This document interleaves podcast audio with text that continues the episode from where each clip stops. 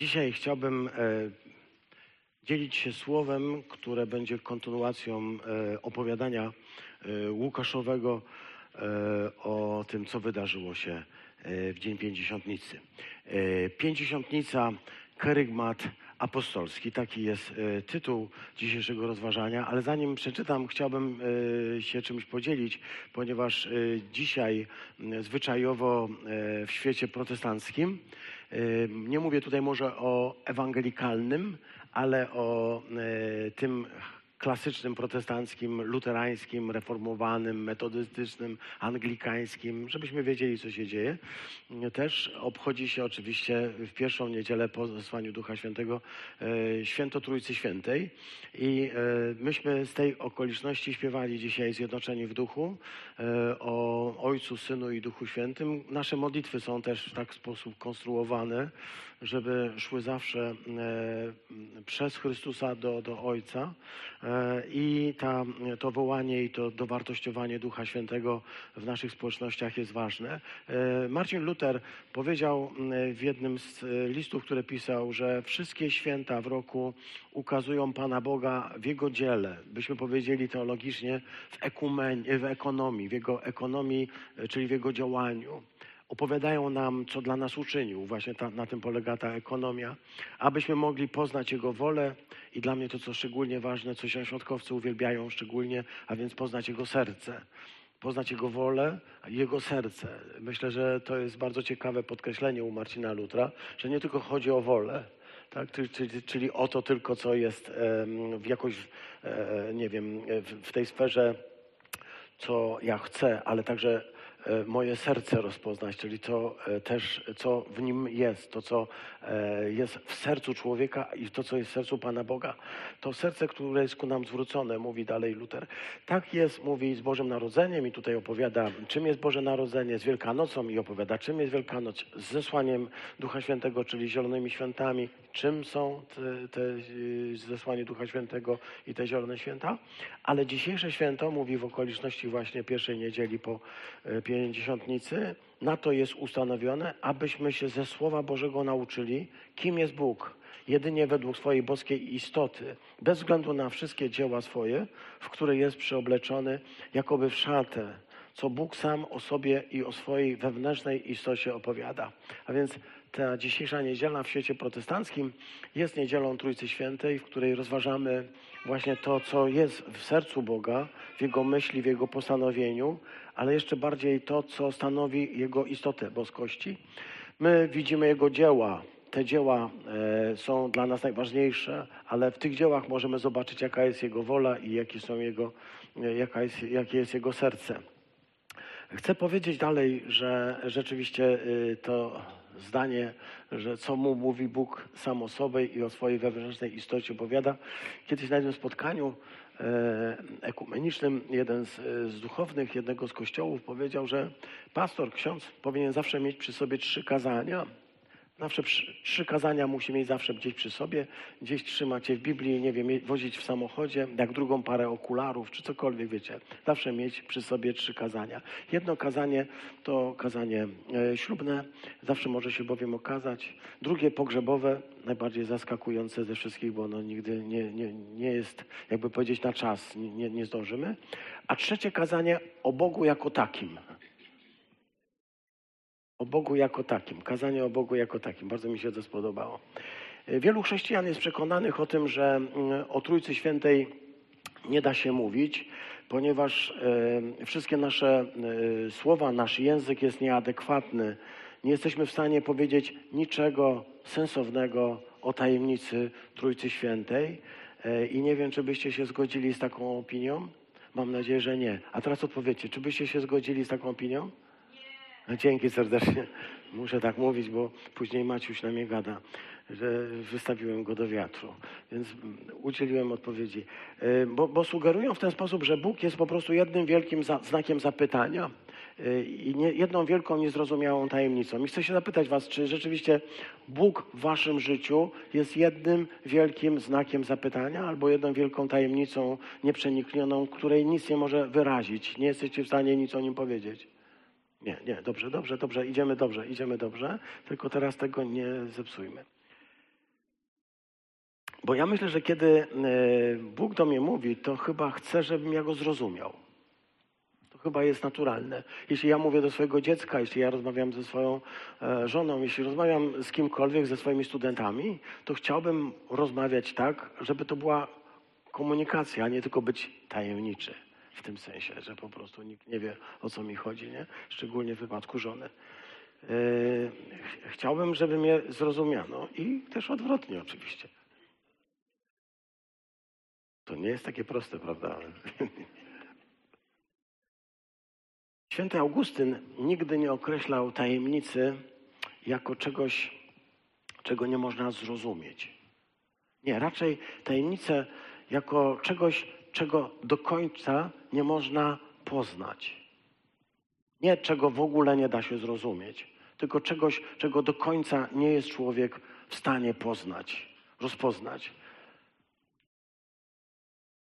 Drugiego człowieka, żyjąc z nim przez lat 40 prawie, y, zawsze możemy powiedzieć znam, ale i on dla mnie pozostaje tajemnicą.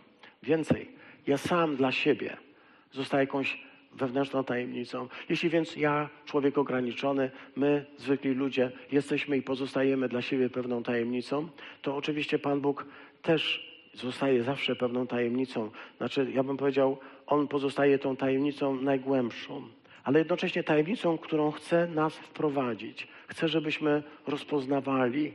Zaprasza nas do tego poznawania. I mam dla Was dobrą wiadomość, słuchajcie, kochani. Całą wieczność nic innego nie będziemy robić, jak rozpoznawać tę tajemnicę Boga.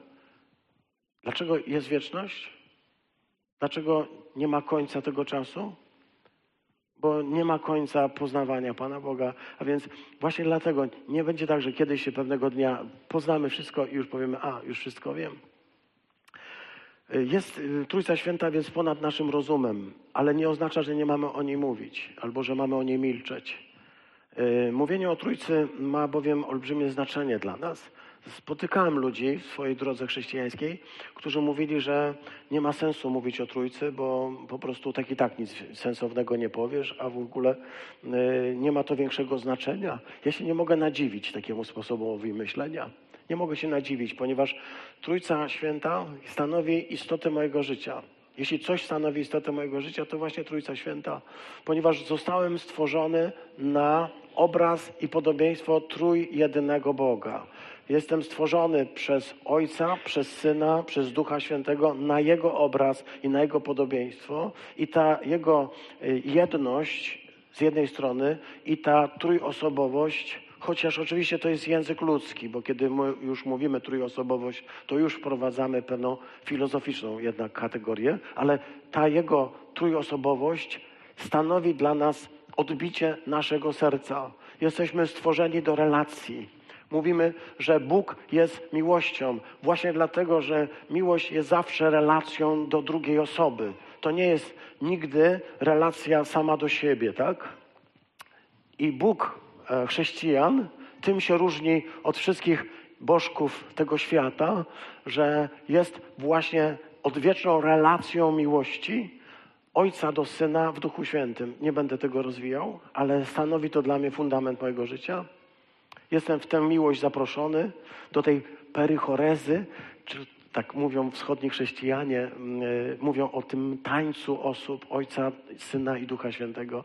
Ten słynny obraz, który znamy, y, uczta y, u Abrahama, y, to y, jest po prostu taki właśnie taniec trzech osób, ta perychoreza, y, stanowi y, y, coś, w co my jako ludzie zostajemy zaproszeni. I ta tajemnica jest dla mnie fenomenalna, bo ona nam mówi o tym, że Jezus Chrystus jest naszą głową, a my jesteśmy Jego ciałem. Jesteśmy włączeni, włączeni w tę tajemnicę, włączeni w tę e, trójosobowość Boga w sposób wyjątkowy. Żadne inne stworzenie nie ma tego zaszczytu, jaki stał się Twoim i moim udziałem. Dzisiaj tego jeszcze możesz nie widzieć, nie rozumieć, ale ro, chcę Ci powiedzieć, zostałeś zaproszony do tego pięknego, nieskończonego tańca Ojca, Syna i Ducha, do tej perychorezy, którą e, rzeczywiście tutaj możemy obserwować. Czy to nie jest dla Was zbyt skomplikowane, bo niektórzy mogą powiedzieć, że nic nie rozumieją z tego? Nie, jest, jest, jest, jest proste, prawda? Perychoreza to proste pojęcie. Nie, nie, nie, nie skupiam się na perychorezie. Skupiam się na tym, że ojciec kocha syna, syn ojca w Duchu Świętym, a my jesteśmy do, tego, do tej miłości zaproszeni, ponieważ jesteśmy jedno w Chrystusie. Tyle razy jest powiedziane, że jeśli przyjmiesz Chrystusa, to przyjmiesz i Ojca, i Ducha. Kiedy przyjmujesz Jezusa, przychodzi z Nim Ojciec, przychodzi z Nim Duch. Oni razem zamieszkują. Wchodzisz w tę tajemnicę. Ja, ja dlatego nie mogę się nadziwić, kiedy ktoś mi mówi, słuchaj, wiesz, e, no Trójca Święta nie ma żadnego konkretnego przełożenia w chrześcijaństwie. Ono ma fundamentalne dla chrześcijan. Inaczej po prostu y, nasz Bóg Bóg chrześcijan to jest po prostu jeden z wielu e, bogów tego świata, ale to nieprawda. Jest zupełnie, zupełnie inny. Jest tak inny, że nikt wcześniej i nikt później, nikt, nikt takiego nie odkrył, nie odnalazł, nam go przyszedł, e, pokazał nam go e, Jezus Chrystus. Trójca Święta jest dla mnie portem, portem, do którego zmierza moje życie. Wiem, że ostatecznie jestem włączony w tę miłość jest źródłem, z którego wypływa początek i jest tym oceanem, do którego zmierza to wszystko. Chcę Was e, zaprosić do świętowania z tej okazji, czytając tekst, który pozornie o tym nie mówi. Pozwólcie, że zacznę od dziejów, e, drugi rozdział, czternasty. E, jeszcze kilka wierszy, bo nie tylko do 18 tam będzie jeszcze kawaloncik. Zrobimy sobie dzisiaj taką wyprawę w tej historii, która mm, dzieje się w dniu pięćdziesiątnicy. Piotr wraz z jedenastoma stanął i donośnym głosem przemówił. Mężowie judzcy i wy wszyscy, którzy mieszkacie w Jerozolimie, niech to będzie wam wiadome i wysłuchajcie moich słów. Ci ludzie nie są pijani, jak myślicie, gdyż jest dopiero trzecia godzina dnia. Ale to jest to, co było zapowiedziane przez proroka Joela, i stanie się w dniach ostatecznych, mówi Pan, wyleję z mego ducha na wszelkie ciało i prorokować będą wasi synowie i wasze córki i wasi młodzieńcy, oglądać będą widzenia, wasi starcy śnić będą sny i nawet na moich niewolników i na moje niewolnice w tych dniach wyleję z mego ducha i będą prorokować.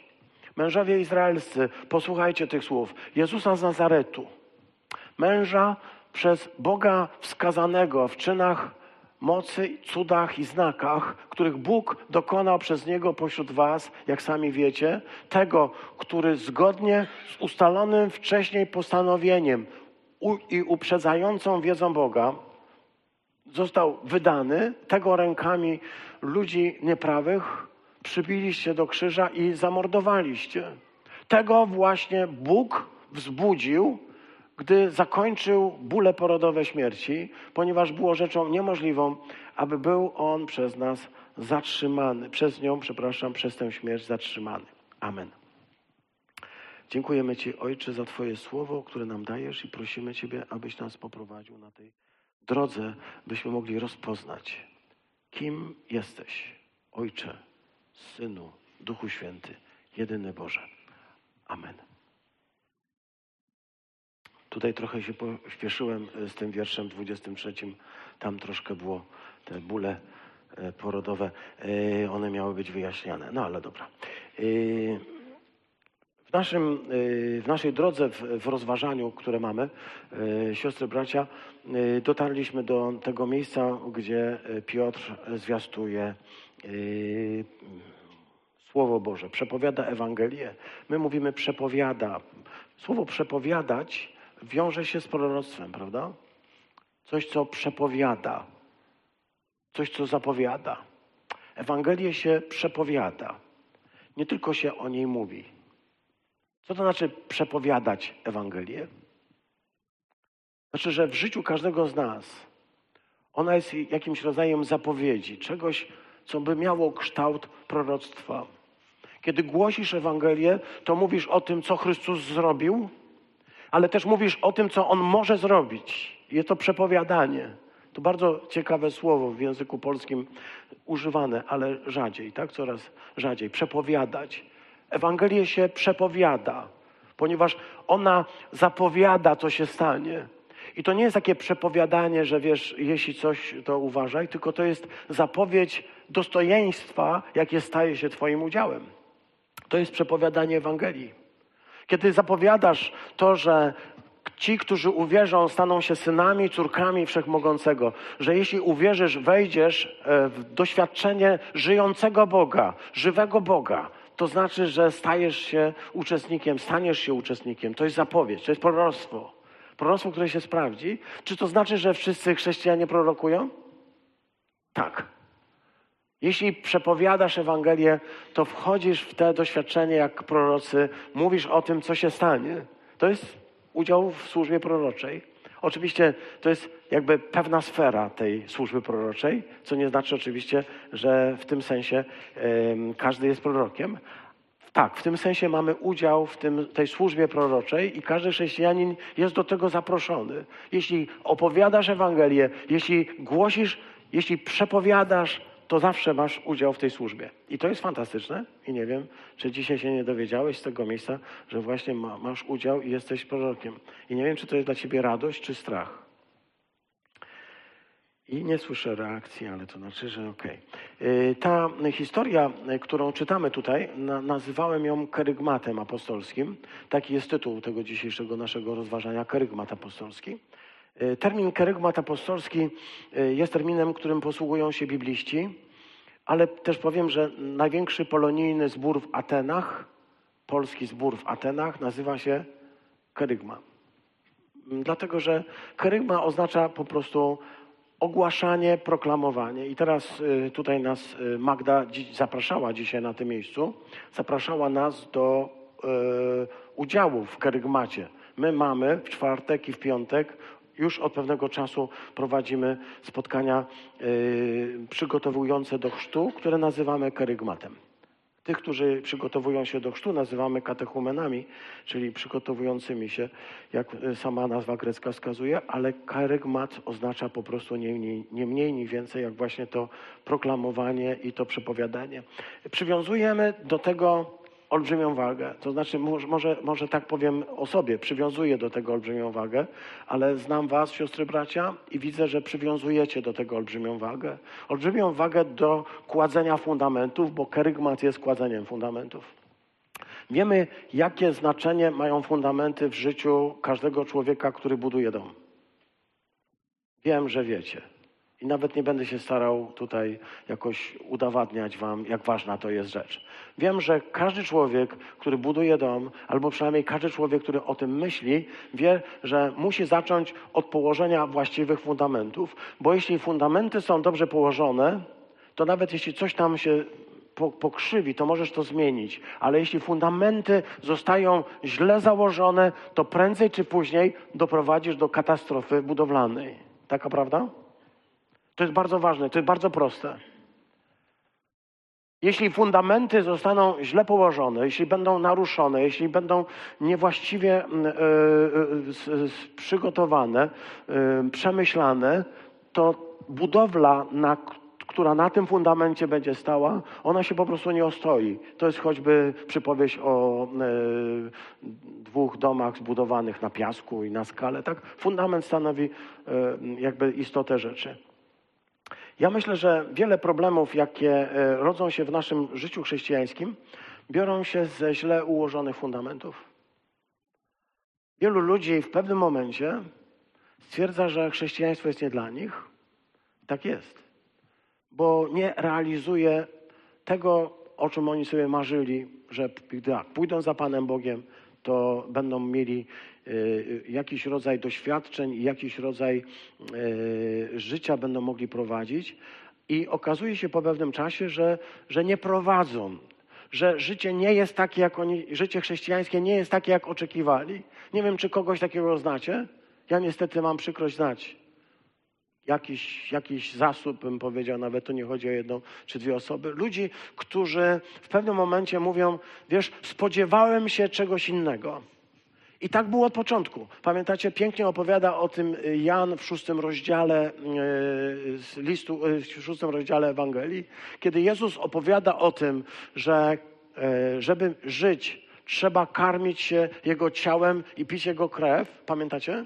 Kiedy o tym mówił, to jest napisane na koniec, że wielu ludzi, którzy za nim wyruszyli, przestali za nim chodzić, przestali go słuchać. Uznali, że doszliśmy do jakiegoś momentu, w którym y, nie tylko nie rozumiemy, ale nie zgadzamy się. On nie, nie wypełnia tego, co w ogóle jest dla mnie logiczne, albo w ogóle nie, nie odpowiada mi jego nauczanie.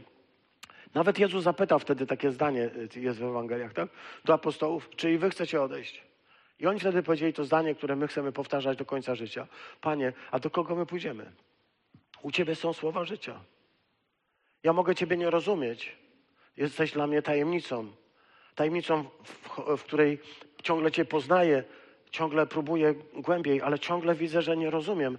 Ale i tak chcę powiedzieć, nawet jak Cię do końca nie będę rozumiał, nawet jeśli nie będę rozumiał tego, co się dzieje w moim życiu w pewnych okolicznościach, to chcę powiedzieć, do kogo pójdę, Panie. Ja wiem, że jesteś jedyną odpowiedzią. A jeśli Ciebie nie rozumiem, to nie znaczy, że mam Ciebie odrzucić. Y, zwracam na to uwagę, ponieważ bardzo wielu ludzi ma ten problem, że w pewnym momencie uznają, że Pan Bóg nie zrealizował ich potrzeb. I z tego tytułu odchodzą. Jestem przekonany, że w większości wynika to ze źle ułożonych fundamentów, źle ustawionych fundamentów. Jeśli ktoś ma źle ustawione fundamenty, ten jego domostwo prędzej czy później się zawali. I nie chcę dawać żadnych przykładów, bo jest ich aż nadto. Ludzi, którzy wydawało nam się wyruszyli z nami, tak? Ale okazało się w pewnym momencie, że inne wartości zaczęły odgrywać ważniejszą rolę. Jest to bardzo przykre. Ułożenie fundamentów jest e, rzeczą najważniejszą. Dlatego powiedziałem, że e, tutaj w tym zborze, w naszym zborze, w którym jesteśmy razem, kładzenie tych fundamentów w postaci kerygmatu jest rzeczą e, tak ważną. Dlatego zawsze zapraszam wszystkich na kerygmat. Dlatego kerygmat nie jest tylko dla katechumenów, nie jest tylko dla tych, którzy dzisiaj przygotowują się do chrztu. Dla nich jest w pierwszej kolejności, ale potrzeba jest rewizji co pewien czas, wiesz? My, kiedy będziemy chcieli dalej prowadzić coś w tym budynku, będziemy chcieli dalej zrobić coś z tym budynkiem, a to przed nami, wiemy dobrze, to wiecie od czego zaczniemy? od rewizji fundamentów, bo nie możemy zmienić niczego. Nie możemy zmieniać tych ścian, ani postawić nowego, położyć nowego dachu bez sprawdzenia, co jest z tymi fundamentami. Bo jeśli my będziemy cokolwiek robić z tym budynkiem, bez sprawdzenia, co jest z tymi fundamentami, jak wygląda ich sytuacja, to każda, każda nowa konstrukcja, którą byśmy chcieli tutaj dodać, może spowodować katastrofę, a tego nie chcemy. Dlatego myślę sobie, że to jest bardzo cenną rzeczą, siostry i bracia, że e, na te spotkania dla katechumenów przychodzicie także, e, chociaż już jesteście po chrzcie. I wiem, że dla wielu z Was, ja to słyszę wielokrotnie, ale e, myślę, że nie, nie, nie zdradzam tajemnicy. Dla wielu z Was brzmi to trochę w ten sposób, że dopiero teraz Dopiero teraz zaczynamy rozumieć. Dopiero teraz zaczynają do nas docierać e, te nauki Chrystusa. Bo przypomnę, w karygmacie my nie opowiadamy teologii, my nie opowiadamy, e, co, co, co jest Kościół Zielonoświątkowy albo cokolwiek innego. W karygmacie przedstawiamy ekonomię zbawienia. Mówimy po kolei o tym wszystkim, co Bóg zrobił, co się dzieje w naszym życiu i dlaczego tak się dzieje, żebyśmy mieli właściwie ustawione e, i fundamenty, i priorytety w naszym życiu. Dlatego cieszę się, że chociaż mm, co roku te spotkania mm, e, się dzieją, to co roku wciąż przychodzą, wciąż przychodzą nowi ludzie. I przychodzą też ci, którzy są już długo po chrzcie, Chciałbym więc, y, siostry bracia, y, przypomnieć, że ten karygmat ogłosił y, święty Piotr, czy apostoł Piotr ogłosił go w Dzień Pięćdziesiątnicy, zaraz po wylaniu Ducha Świętego. I wtedy w Jerozolimie zebrała się wielka rzesza ludzi, wiele różnych osób. To byli Żydzi, oraz Żydzi mie, mie, mieszkający w Jerozolimie oraz Żydzi, którzy przybyli z bardzo różnych miejsc. Ja tutaj je zaznaczyłem, kto był tydzień temu, to nawet wie, czego ta mapa dotyczy. Pozostali to są miejsca, e, z którego Łukasz opowiada, przybyli Żydzi na święto do Jerozolimy i w Jerozolimie, tam w Jerozolimie byli w tym dniu. W tym dniu byli na tym miejscu, gdzie Piotr zaczął głosić Ewangelię. Y, To nie byli rodowici y, poganie, to byli Żydzi wywodzący się z tych miejsc. Dlatego e, apostoł Piotr zwrócił się do Żydów i zaczął do nich mówić w taki sposób, jak mówi się do ludzi, którzy znają e, Stary Testament, znają e, Torę, znają prawo, znają proroków. Mówił do nich w ten sposób. Mówił także do nich jako do ludzi, którzy doświadczyli pewnych rzeczy, którzy na własne oczy widzieli, co się dzieje, ponieważ ta historia, która e, wtedy się wydarzyła w pięćdziesiątnicy, była zaledwie 50 dni po tych wszystkich wydarzeniach. To było mniej niż dwa miesiące po tym, kiedy Jezus został ukrzyżowany, kiedy Jezus został złożony do grobu. To było 50 dni potem, to były dwa miesiące. Te rzeczy ciągle były żywe. Kiedy czytam tę historię, kiedy czytam tę narrację Piotra, to chcę powiedzieć, porusza mnie właśnie to, że to nie jest narracja o, o czymś tam z głębokiej przeszłości, ale to jest taka narracja świadków. On będzie się odwoływał i mówił, Wyście y, to zrobili, braliście w tym udział. Pamiętacie, to nie jest dla nas żadna tajemnica. Ja wiem, że każdy z nas ma prawo w pewnym momencie no, mieć i wątpliwości różnego typu, ale nasza wiara, siostry bracia, nie zasadza się na mitologii, na tym, że kiedyś, dawno, dawno temu, za siedmioma górami, za siedmioma lasami żył sobie królewicz i piękna królewna, tylko chcemy powiedzieć, że konkretnie pod panowaniem cesarza y, Tyberiusza, za panowania cesarza Tyberiusza, gdy y, Herod był królem y, Galilei, jednym z etnarchów Galilei, gdy był taki prokurator, któremu było na imię Piłat. Za tych czasów w tym konkretnym mieście, w tych konkretnych momentach wydarzyło się coś takiego, że został ukrzyżowany człowiek, który był bez żadnej winy. Został ukrzyżowany niewinny. Historia, która się przecież dzieje dość często, o której słyszeli i o której mogli e, słyszeć przede wszystkim mieszkańcy i, okoli, i okoliczni e, przybysze. E, ja miałem okazję przez pewien czas, nie wiem czy kojarzycie tę ilustrację, bo specjalnie ją wyświetlam, rozważać fragment dziejów apostolskich, ale zacząłem wtedy od trzeciego rozdziału. Od trzeciego rozdziału to było 6 czerwca 2021 roku. Trzeci rozdział od pierwszego wiersza, jakbyśmy zostawili pierwsze dwa rozdziały i teraz je właściwie kończę, tak żebyście wiedzieli, że to są jakby przedziwna historia. One się po prostu mi składają w pewną całość. Tego, tego, tych y, tekstów nie rozważałem, rozważałem późniejsze.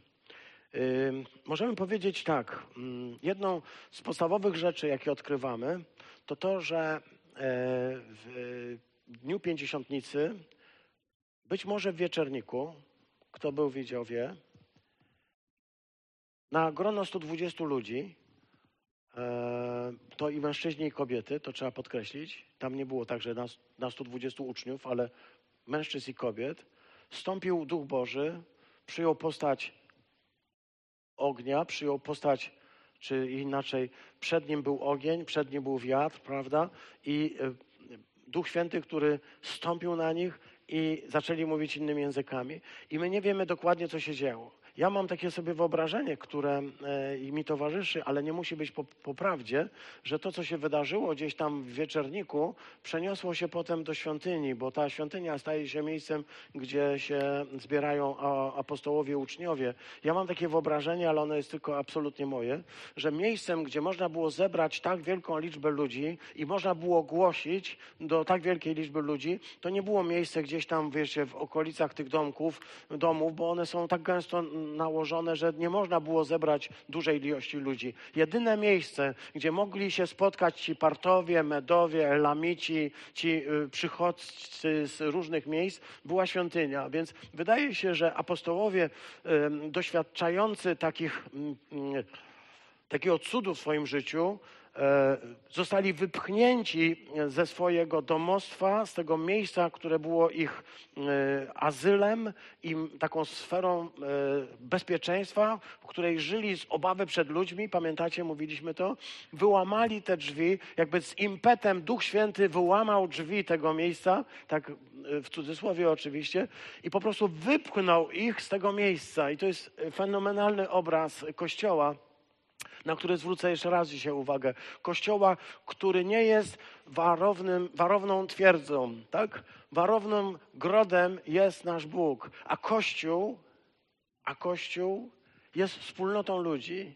Wspólnotą ludzi, która wychodzi do innych. Wspólnotą ludzi, która przestaje się bać wspólnotą ludzi, nie, nie, która nie chce funkcjonować w strachu przed e, wszystkim tym, co sobie inni o mnie pomyślą, co inni widzą, tak? Wspólnotą ludzi, którzy zaczynają mówić do innych językiem tamtej kultury, tamtych ludzi, tak jest powiedziane, tak? Słyszymy ich wszystkich, jak mówią do nas w naszym języku ojczystym. Słyszymy, jak oni komunikują nam o Bogu w naszym własnym języku. Kościół jest właśnie od tego. Wiecie, największą zmorą Kościoła jest to, kiedy zamieni się rzeczywiście w taką warowną twierdzę z zasiekami, polem minowym, fas, y, wiecie, całą tutaj ekipą i będą pilnować, żeby Kościoła nikt nie zniszczył. My się o to nie musimy martwić. Naprawdę. Ponieważ Jezus Chrystus powiedział, pamiętacie, że On zbuduje swój Kościół a bramy piekielne, jakiekolwiek moce złego, jakiekolwiek by napierały, jakkolwiek by chciały zniszczyć, nie są w stanie. Siostry, bracia, nie żyjemy w strachu. Kościół Jezusa Chrystusa trwał, trwa i będzie trwał, ponieważ to nie zależy ani od tego, jacy jesteśmy, ani od tego, co e, dzieje się na tym świecie, ani od polityków, ani od gospodarki, ani od kultury, bo to zależy od Jezusa Chrystusa. Bo Kościół został przez Niego zbudowany i to On gwarantuje Jego rozwój, Jego powstanie. Dlatego nie musimy się bać. Kościół bywa prześladowany, ale często jest tak, że tam, gdzie jest najbardziej prześladowany, tam się najszybciej rozwija. Kiedy mówimy dzisiaj o tym, gdzie są przebudzenia największe, to one są w krajach afrykańskich, to one są gdzieś w Azji, być może Kościół w Chinach, jak mówią nam dane, może być jednym z najbardziej dynamicznie rozwijających się kościołów, bo mamy ku temu wiele podstaw, ale jednocześnie Chiny są krajem prześladowań. Prześladowań.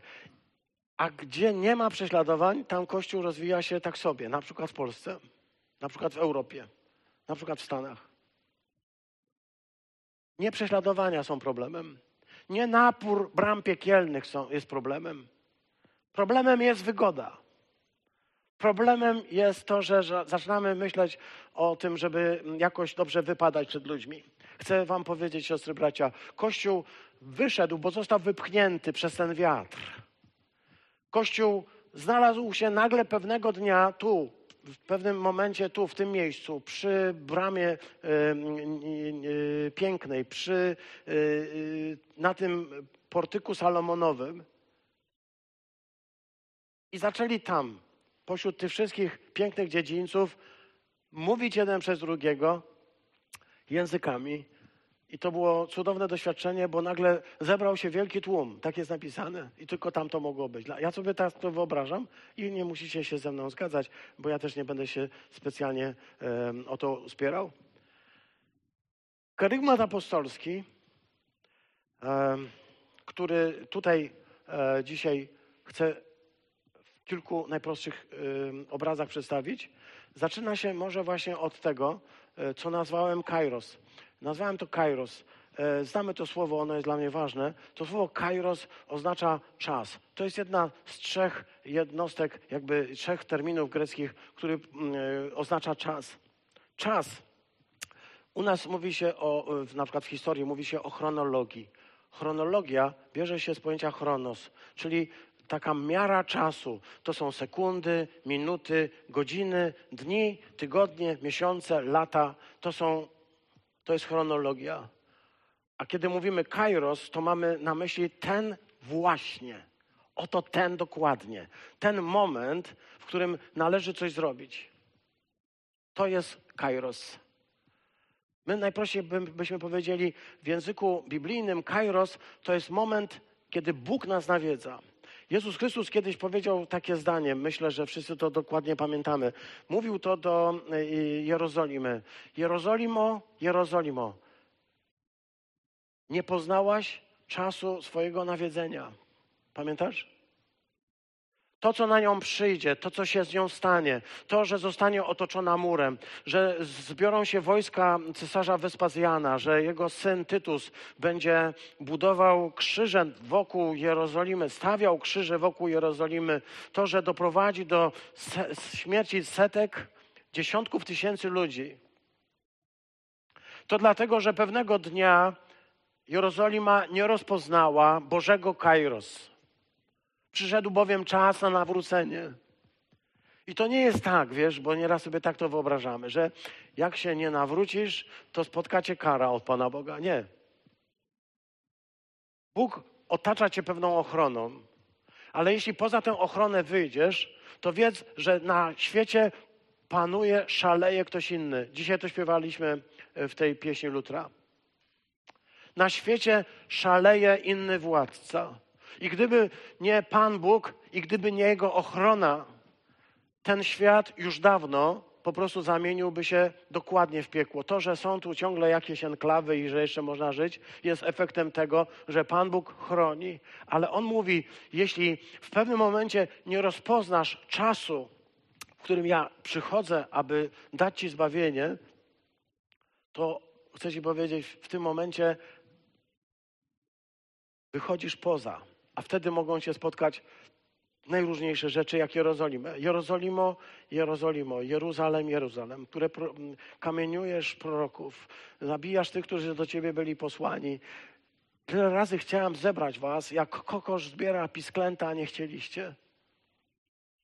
Nie rozpoznaliście e, momentu nawiedzenia Bożego. To jest ten kairos.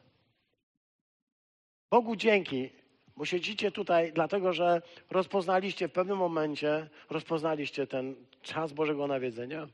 Ten czas, o którym dzisiaj Magda e, mówiła, od którego rozpoczęła nasze nabożeństwo. Czas, w którym pokochałem. Rozpoznałem, że Bóg nie jest e, groźnym e, stworzycielem, który chce mojego zła, ale jest kochającym Ojcem. Kiedy go rozpoznałem, i kiedy oddałem mu życie, kiedy mu zawierzyłem, to było wszystko w konkretnym momencie. Jest to ten moment, chronos, on się wydarzył u mnie w maju 82 roku, u was w każdym innym przypadku, w innym dniu, ale pamiętam to wydarzenie i ty pamiętasz. Był to moment, który jest dla mnie najcudowniejszym doświadczeniem i wspomnieniem i jest to Boży Kairos, jest to ten czas, w tym czasie, ten oto właściwy moment. Przybliżyło się Królestwo. Czas się wypełnił. Bliskie jest Królestwo Boże. Nawracajcie się, wierzcie Ewangelii. Jezus tak zaczął głosić, tak? Tak brzmi początek Jego zwiastowania. Przybliżyło się, czas się wypełnił. Bliskie jest Królestwo. Czas się wypełnił, bliskie. Czas się wypełnił. Ten Boży czas się wypełnił. Kairos jest teraz, jest tutaj. Mówimy często tak, dzisiaj jest dzień zbawienia. Teraz jest czas łaski. Nikt z nas nie wie, czy będzie ten czas za godzinę i za dwa dni. Wiemy, że dzisiaj jest czas łaski, teraz jest czas bawienia. Jeśli tego nie zrobię teraz, to jutro mogę nie mieć na to szansy. To jest to, czas się wypełnił. I to, że bliskie Królestwo Boże, ono jest na wyciągnięcie ręki. Podoba nam się to, co powiedział święty Augustyn. To, co on powiedział o tym, że Bóg jest bliższy nam niż my sami sobie jest bliżej nas, niż my jesteśmy bliżej samych siebie. To jest ten y, szok, który poznaję, gdy zaczynam poznawać, kim jest Bóg. On jest nam bliższy niż my sami sobie. Jest na wyciągnięcie ręki, jest na wyciągnięcie słowa. Ja nie muszę nic wielkiego zrobić. Po prostu zwyczajnie powiedzieć tak, panie. Kairos. Stanął z jedenastoma Piotr i y, do, donośnym głosem y, zawołał. To jest ten karygmat. E, powiedzieli, że ci ludzie, którzy zaczęli mówić jeden przez drugiego, mówić jeden przez drugiego we wszystkich językach, jakie tam były i wywołali w tym wielki chaos, zburzyli pewien porządek, pewną liturgię, która była w świątyni, jeśli mogę tak powiedzieć, i w tę liturgię wprowadzili taki rodzaj drożdży, które zaczęły po prostu, no wiecie, rosnąć. Zaczęło się coś dziać. I ludzie mówili, pijani są. Wiemy, co odpowiedział Piotr. Ci ludzie nie są pijani, nie.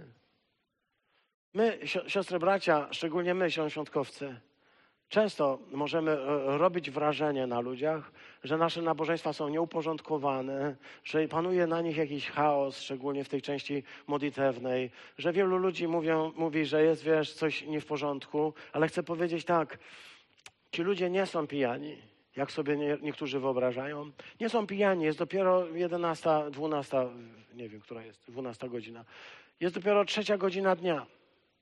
Dziewiąta rano, mówiąc językiem żydowskim. Jest dopiero dziewiąta rano, oni nie są pijani. Ale zdarzyło się coś, co zapowiedział prorok Joel. I to jest Kairos.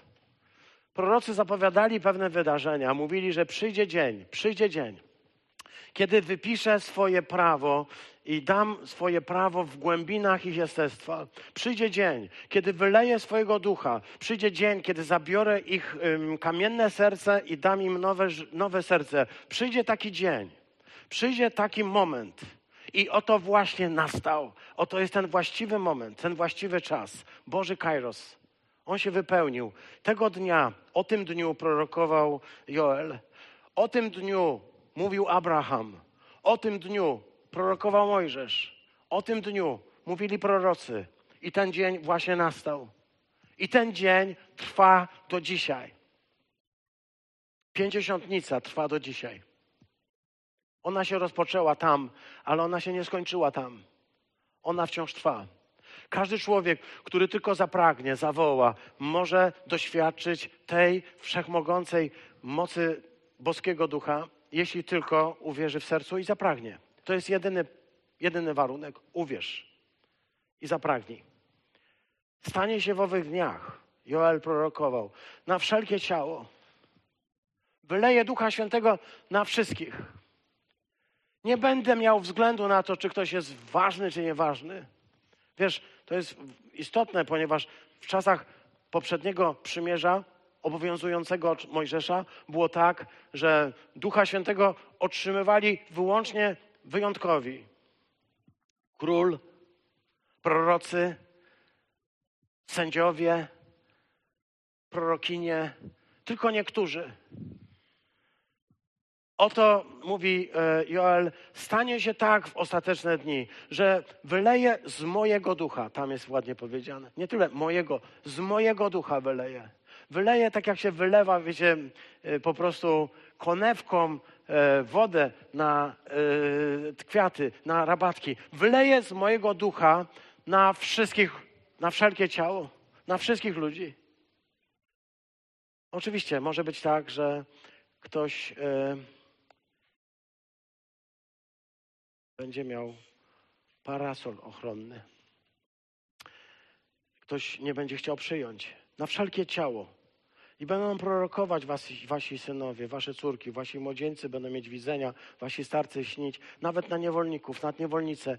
Nie, nie ma żadnej grupy, na którą bym nie, nie chciał wylać. To nie jest już tylko dar dla królów, dla proroków, dla sędziów, dla innych ważnych ludzi. Oto przychodzi dzień i właśnie naszedł, że każdy człowiek, bez względu na swój status społeczny, kolor skóry, bez względu na swoje przekonania, bez względu na wszystkie swoje doświadczenia, staje się obiektem Bożego Ducha. Każdy człowiek, który tylko zawoła, może otrzymać. Każdy człowiek, który zapragnie, może go dostać.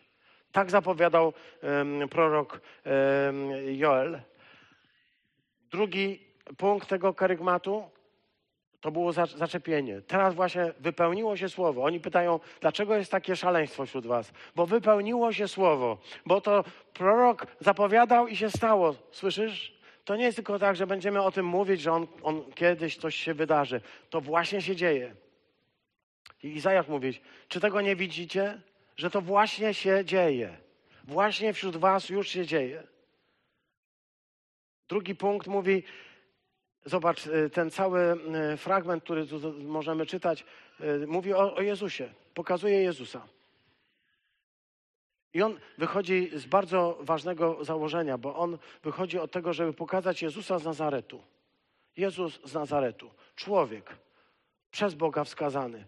Człowiek, który, który usługiwał w mocnych czynach, w cudach, w znakach. Bóg dokonywał przez niego wśród was. I wy to wiecie, bo wy 50 dni temu go ukrzyżowaliście, ale dwa miesiące temu mogliście zobaczyć, mogliście słyszeć o tym, że wyciągnął z grobu faceta, który cztery dni tam już był, że zbudził z martwych łazarza. Ten łazarz jeszcze żyje, możemy go pokazać. Tego Jezusa z Nazaretu, człowieka pochodzącego z Nazaretu.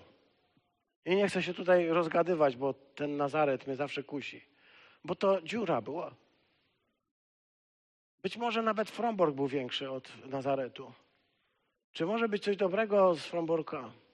Czy może być coś dobrego z Nazaretu, siostry bracia? Ten Jezus w czynach pełnych mocy, w wielkich cudach i w znakach. Wszystko jest ważne. Bóg przez niego różne rzeczy dokonywał i to robił wszystko zgodnie z ustalonym przez wieki e, jakby Bożym zrządzeniem. Bóg pewne rzeczy już dawno przewidywał i pokazuje Jezusa, i to jest ten adres. Myśmy o tym mówili na ostatnim karygmacie. To jest ten adres, dzięki któremu możemy powiedzieć, że Jezus jest rzeczywiście tym, kim jest. Bo każdy człowiek może powiedzieć, że jest Mesjaszem, ale nie każdy może wypełnić wszystkie 300 proroc o nim. Urodzić się w Betlejem, prawda? Być mieszkańcem Nazaretu, być z pokolenia Dawida, z tego domu i jednocześnie zostać uwięziony zgodnie z proroctwami, zostać zabity zgodnie z proroctwami i powstać z martwych, o czym za sekundę. Tego nie można sobie wymyśleć. Jezus jest postacią historyczną. My się odwołujemy w naszym karygmacie do historii, odwołujemy się do wydarzeń. My nie mówimy tylko o tym, jak się fajnie jest y, czuć, jak fajnie mieć dobre doświadczenie Boga. My mówimy o faktach.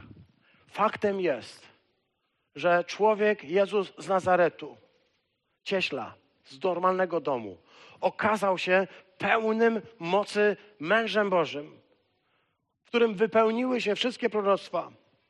I tutaj pięknie powiedziane, Bóg wzbudził go, zerwawszy więzy śmierci, tak jest w naszym tłumaczeniu. Ale mi się ten wiersz jeszcze kojarzy, ponieważ te więzy śmierci to jest, nie, nie jest nasze dobre tłumaczenie. To jest taki hebraizm raczej, bo dokładnie e, Łukasz używa takiego sformułowania i wkłada w usta Piotra, zakończyły się bóle porodowe śmierci. Zakończyły się bóle porodowe śmierci. Te bóle porodowe oznacza, że coś, co do tej pory towarzyszy człowiekowi umierającemu, y, czy człowiekowi, który kończy swoją egzystencję, y, te bóle śmierci, one się właśnie zakończyły zmartwychwstaniem Jezusa. Jezus jest pierwszym, który powstaje z martwych. Jest tym, który rodzi się zupełnie w, dla nowej rzeczywistości, jako pierwszy człowiek. I to jest początek. My jeszcze ciągle zwyczajnie przeżywamy naszą śmierć, ale te bóle porodowe śmierci, one zostały zakończone, kiedy On powstał z martwych, ponieważ niemożliwą rzeczą jest, aby był przez nią zatrzymany. Dlatego kolejny punkt tego kerygmatu, i chyba najważniejszy, mówi zmartwychwstał. I tam będzie cała e, e, grupa proroc, które będą o tym mówić, szczególnie Psalm 16, który będzie mówił o tym, że e, Jezus jest przedstawiony jako prorok, który zawsze ma, bo to jest jakby modlitwa Jezusa do Ojca. Zawsze mam przed oczami mojego Pana. On jest po mojej prawej stronie, abym się nie zachwiał. Jezus mówi, dlatego uciesz, ucieszyło się moje serce, rozweselił się mój język, a moje ciało spoczywa w nadziei. Ponieważ wiem, wiem ponad wszystko, że nie zostawisz mojej duszy w Hadesie. Ponieważ wiem, że nie zostawisz mnie w piekle ponieważ wiem, że tak bardzo się e, rozkochałeś we mnie, a ja kocham Ciebie, że przełamiesz nawet bramy Hadesu. Bramy piekła go nie zwyciężą. Jezus zapowiedział Kościołowi, ale też i sobie. Nie dopuścisz, by Twój święty syn oglądał rozkład, oglądał skażenie, ale dałeś mi poznać drogę, która e, prowadzi do radości, do e, szczęścia. I Piotr kontynuując to, ten kerygmat, powiedział tak, mężowie bracia. Ciekawa rzecz, że on powiedział do nich mężowie bracia. Mógł powiedzieć, ej ludzie, a powiedział do nich bracia, choć to nie byli jego bracia. W jakimś sensie byli, w jakimś sensie absolutnie nie byli. Bo jeśli chcesz przemawiać do drugiego człowieka, to nie możesz do niego mówić, jakby był twoim wrogiem. Musisz rozpoznać, że ten człowiek w każdym momencie stanie się wierzącym w Chrystusa i będzie twoim bratem. Przez wiarę możesz do niego już tak mówić. Tak mówi, pięknie y, używa tego sformułowania Piotr. Niech mi będzie wolno przypomnieć wam, że ten patriarcha Dawid, który te rzeczy opowiadał w psalmie 16, opowiadał nie o sobie, bo on został on zmarł, został pogrzebany, a jego grób ciągle znajduje się w Jerozolimie. Kto był widział grób Dawida? On nie mówił o sobie. Jego ciało doznało skażenia. On mówił o kimś innym. O kim? O Chrystusie o zmartwychwstaniu. Zmartwychwstanie y, jest dla nas ciągle centrum naszego, y, y, jakby centrum naszego chrześcijańskiego życia, ponieważ to, że Jezus żył, to, że Jezus uzdrawiał, to, że Jezus pełen mocy głosił dobrą nowinę, jest cudowną rzeczą, ale dla nas najważniejsze jest to, że kiedy Go zabiliśmy rękoma bezbożnych, Bóg wskrzesił Go z martwych, postawił na Nim pieczęć i powiedział, to jest mój Syn. Wszystko, co mówił, jest ważne. Wszystko, co robił, jest ważne. Udowodniłem to przez to, że wzbudziłem go z martwych. Zmartwychwstanie jest dla nas najważniejszym e, elementem naszego chrześcijaństwa i jak ludzie mówią, że wiesz, a tam wierzysz w takie rzeczy, chcę powiedzieć, tak, to jest fundament, ponieważ są świadkowie, są ludzie, którzy go widzieli, są ludzie, z którymi jadł, którymi żył, którymi rozmawiał, którzy dotykali jego ran i którzy byli gotowi ponieść za to najwyższą e, karę, ponieść za to śmierć. Ponieważ nie mogli wyprzeć się i powiedzieć, że, że nie widzieli, bo widzieli, tak? I ci świadkowie, na ich wierze jest zbudowana, to jest nasz fundament. Na ich wierze jest zbudowana także nasza wiara. Ale nie tylko na tym, co oni zrobili i co oni mówili, bo to jest także i nasze doświadczenie. Nasze doświadczenie spotkania się ze zmartwychwstałym. I to jest też ważnym elementem kerygmatu. Jezus okazuje się nie tylko człowiekiem, mężem z Nazaretu, człowiekiem, którego Bóg namaścił mocą swoją, ale także okazuje się zmartwychwskrzeszonym okazuje się kimś, kto nie tylko powstał z martwych, ale który jest Panem i Mesjaszem. Siedzi wywyższony mocą prawicy Ojca, prawicy Boga i otrzymał od Ojca obiecanego Ducha Świętego. Mówiłem, że wrócimy do tego, co stanowi dzisiaj, dzisiejsze święto. Ono jest tutaj w 33 wierszu pięknie rozpisane. Jezus został wywyższony mocą Bożej prawicy i otrzymał od Ojca obiecanego Ducha, którego wylał na wszystkich tych, których teraz widzicie i których słyszycie, którzy mówią do Was we wszystkich językach tego świata, by Wam opowiadać o, o Chrystusie? Mówi tak, Dawid nie wstąpił do nieba, ale Jezus Chrystus wstąpił. Jezus Chrystus jest tym, którego Dawid oczekiwał. W sposób pewny, niech wie, całkowicie pewny, niech wie cały Izrael, że Panem i Mesjaszem, Panem i Chrystusem uczynił Bóg tego, którego wy ukrzyżowaliście. Tam jest tak wiele rzeczy, bo tam trzeba mówić też i o tym, że wyście ukrzyżowali, ale też o tym, że Bóg wzbudził go z martwych, Bóg ustanowił go Panem, ustanowił go Mesjaszem, to wszystko się w nim wypełniło. To jest zawarte w kerygmacie. I ostatnia rzecz, pytanie, które stoi przed człowiekiem, pytanie, które zadają e, ludzie, którzy usłyszeli. Czytamy w wierszu 37. Słowa, które usłyszeli, dogłębnie nimi wstrząsnęły. Jakby przekuły ich serca, dosłownie jest napisane, przekuły ich serca. Te słowa, które słyszeli o tym, kim jest Jezus Chrystus i o tym, co się stało i o tym, kim są ci apostołowie, o czym oni świadczą, czytamy, przekuły ich serca, spowodowały, że ich po prostu zupełnie zamurowało, dogłębnie wstrząsnęło i zapytali się Piotra i pozostałych, zapytali ich, co mamy czynić, bracia. To nie kończy tego, e, co dzisiaj czytamy, ale kończy nam, pokazuje nam drogę karygmatu. Co w tym karygmacie po kolei zwiastujemy od początku.